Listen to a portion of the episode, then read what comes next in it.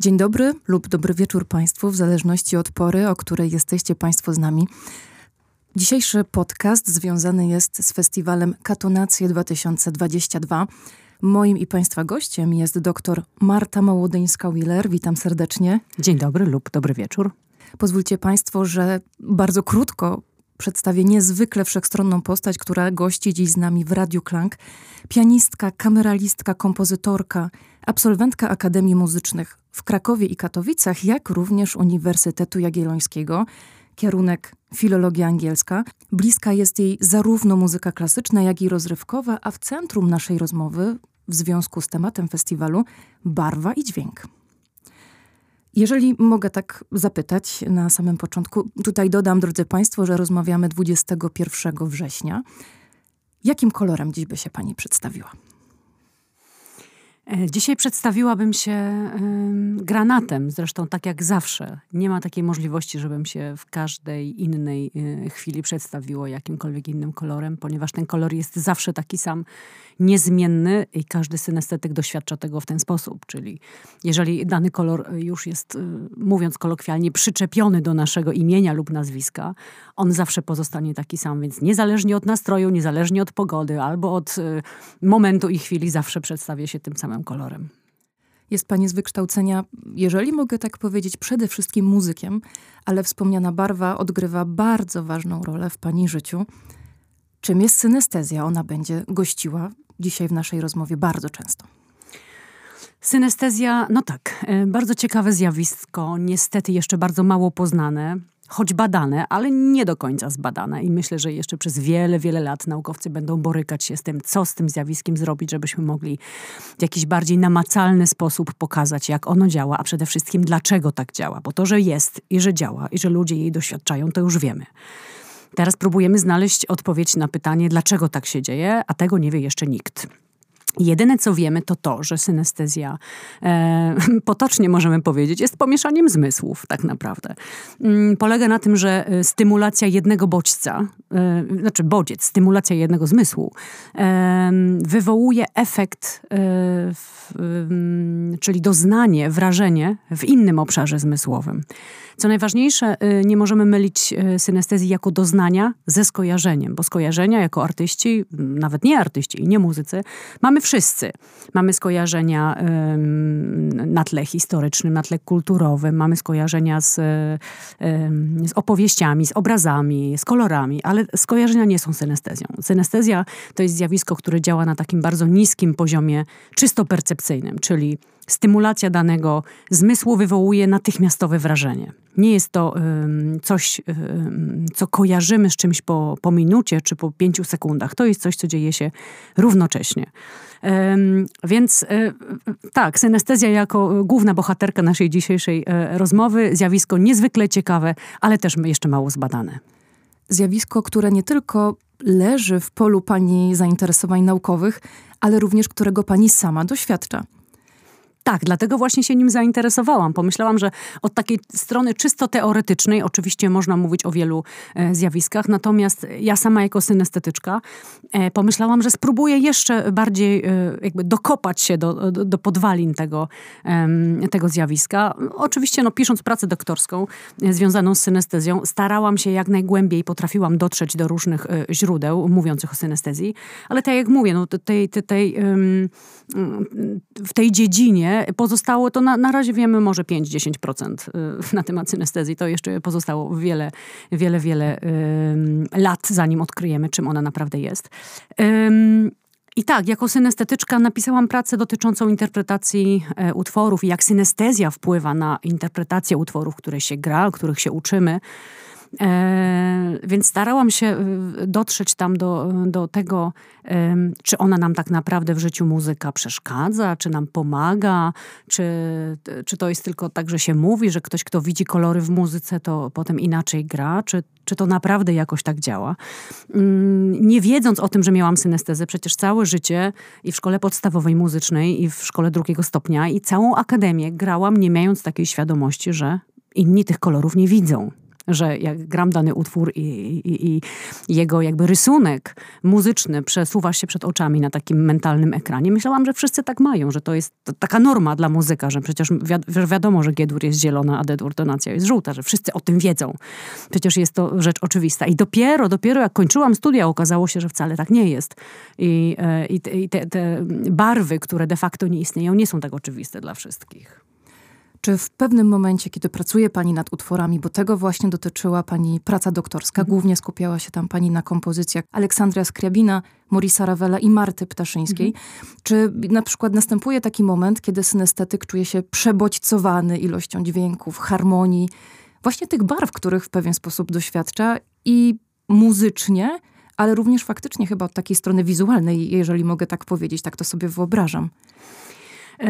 Ponieważ synestetyk z synestezją się rodzi, e, i z nią całe życie przebywa, to tak bardzo przyzwyczaja się do tej ferii barw i do tego wszystkiego, co mu miga przed oczami, w wyobraźni oczywiście, że w pewnym momencie już nie, nie zwraca uwagi na poszczególne kolory albo na, na, tą, na ten cały galimatias kolorystyczny, tak to y, można nazwać, e, tylko jest, staje się dla niego to środowiskiem zupełnie naturalnym.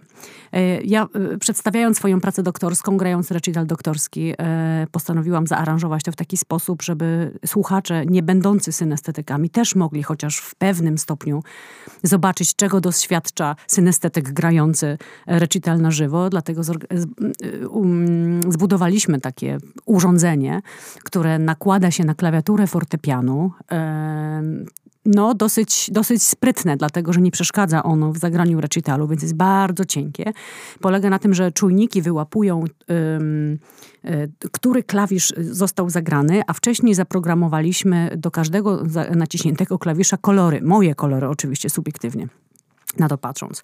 I podczas recitalu e, za mną na dużym ekranie pokazywały się te barwy, które właśnie były grane. Ale jak wiemy, znaczy my muzycy wiemy, że y, y, no, pojedyncze dźwięki nie stanowią jeszcze o barwie tonacji, albo o barwie jakiegoś centrum tonalnego, albo o, o barwie całego utworu.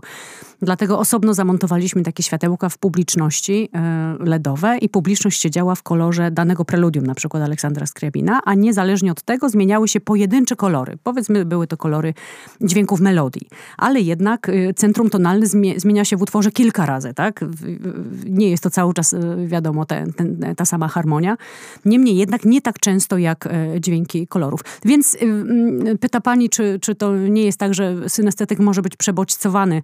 Ja osobiście w ogóle tego nie doświadczyłam i nawet grając czułam, że jestem w tym jeszcze e, bardziej zatopiona i że jest to dla mnie bardzo naturalne, bo nie dość, że widzę to w wyobraźni, to jeszcze widzę to dosłownie. Widzę te kolory dookoła mnie.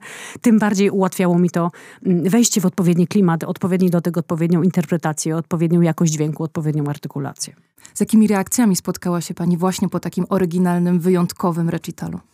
E, no z bardzo pozytywnymi oczywiście, głównie dlatego, że y, publiczność y, chciała dowiedzieć się jeszcze więcej na temat tego, jak to działa i e, na ile to jest to, co ja widzę, a to, co oni widzieli. Oczywiście nie da się tych kolorów, które synestetyk widzi dokładnie, jeden do jeden przełożyć do tego, co mamy dostępne dookoła siebie, bo czasami ten kolor jest tak nieuchwytny, że tak naprawdę nawet, nawet szukając myszką w, w komputerze, jak mamy, gdzie mamy wszystkie barwy, czasami nie jestem w stanie do końca końca znaleźć tego koloru, który widzę w głowie, bo czasami jest on pomieszany z jakimś elementem faktury, czasami ma w sobie jakąś małą drobinkę błyszczącą, czasami jest bardziej matowy, więc to nigdy nie jest ten sam kolor. Ale, y, no, ale starałam się zawsze opowiadać o tym w, w sposób taki przystępny, żeby osoby niedoświadczające synestezji mogły sobie wyobrazić, jak to jest, jak człowiek jakby jest osadzony w tych kolorach i, i, i tak żyje na co dzień. A czy któryś kolor, czy któraś tonacja szczególnie panią denerwuje albo go nie lubi ze względu właśnie na połączenie barwy i dźwięku? Mm, mam parę takich, muszę powiedzieć, ulubionych tonacji. Mniej ulubionych mam mniej. E, ale chyba taką jedną z mniej ulubionych, na przykład dla mnie oczywiście osobiście, jest e, tonacja Hadur. Myślę, że dlatego, że jest taka, to jest taki mocny fiolet. Jeszcze Esdur jest takie mocno fioletowe, chociaż jest trochę bardziej miękkie, dlatego, że to jest tonacja bemolowa, a jednak Hadur jest krzyżykowa, więc bardzo wystaje i tak jakby trochę kłuje. Ale ten mocny taki fiolet jest wręcz taki narzucający się i taki wymuszający. Jeżeli gram coś tonacji H-dur, wymuszający taki mm, jakby ekspansywny rodzaj dźwięku. Dlatego nie do końca to lubię, ale wiem, że oczywiście nie ma to nic wspólnego z zamierzeniem kompozytora, który napisał utwór w takiej tonacji, e, że akurat ja mam ochotę tak to zinterpretować, ale muszę przyznać, że tak, w niektórych tonacjach jest mi trudniej niż w innych. Aleksander Skriabin, który pojawił się już kilkukrotnie w naszej rozmowie, to też wyjątkowy przykład, bo sam również był synestetykiem. Jednym z takich również bardzo znanych kompozytorów, Olivier Messiaen. Czy dzisiaj również można spotkać wśród nie tylko kompozytorów, ale muzyków ogólnie tych, którzy doświadczają synestezji? Na pewno, na pewno jest tych osób bardzo wiele. E, ja, e, robiąc badania do swojej pracy doktorskiej, rozmawiałam z profesorem Andrzejem Jasińskim z Akademii Muzycznej w Katowicach.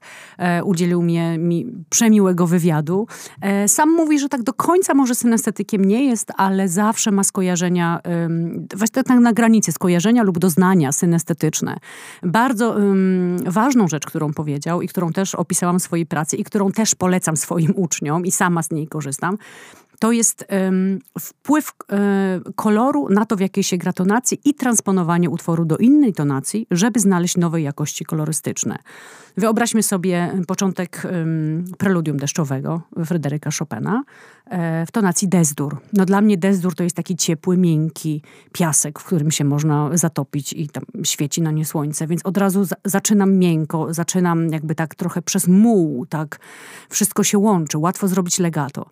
Natomiast teraz przetransponujmy, przetransponujmy, zamieńmy to enharmonicznie do cisdur. Obiektywnie dźwięki te same, ale zupełnie inaczej zaczęłabym grać ten utwór i pewnie nie tylko ja, tylko większość pianistów, którzy by wiedzieli, że grają w innej tonacji. Słysząc te same dźwięki, świadomość tego, że grają w innej tonacji, wymusza zupełnie inny dotyk klawiatury.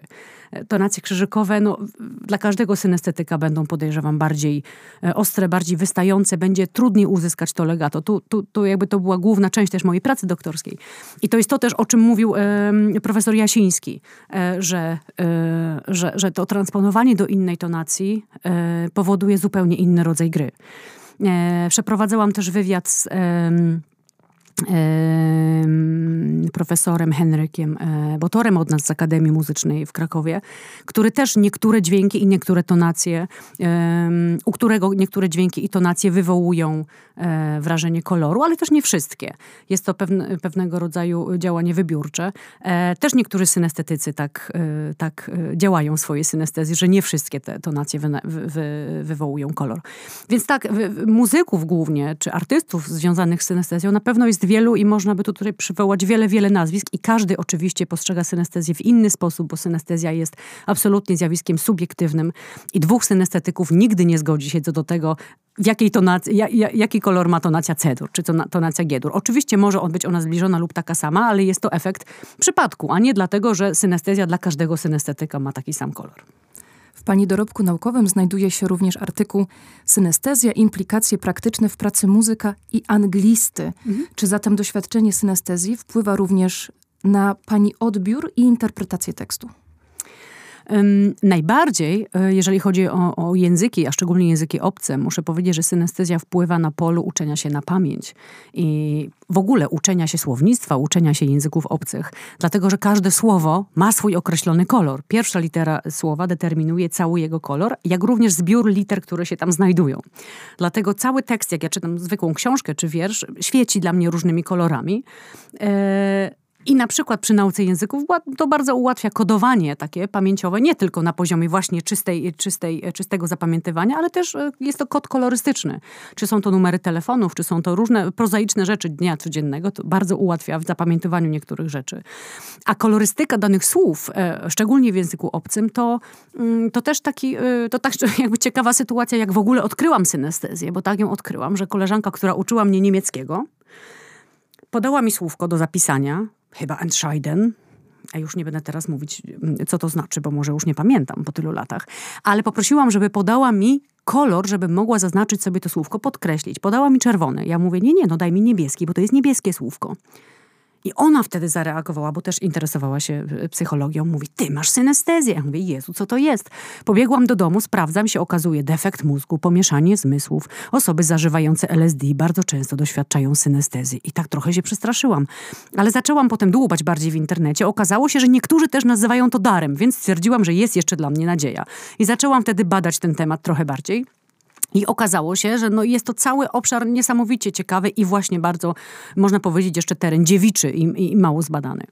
E, to tak właśnie w kwestii języków, więc tak, to bardzo jakby w pracy anglisty, czy w um, uczeniu języków, czy uczeniu się języków, e, synestezja niezwykle pomaga w zapamiętywaniu, jeżeli tylko podążymy za naszymi odczuciami synestezyjnymi i zaznaczymy fragment tekstu tak zwanym dobrym kolorem.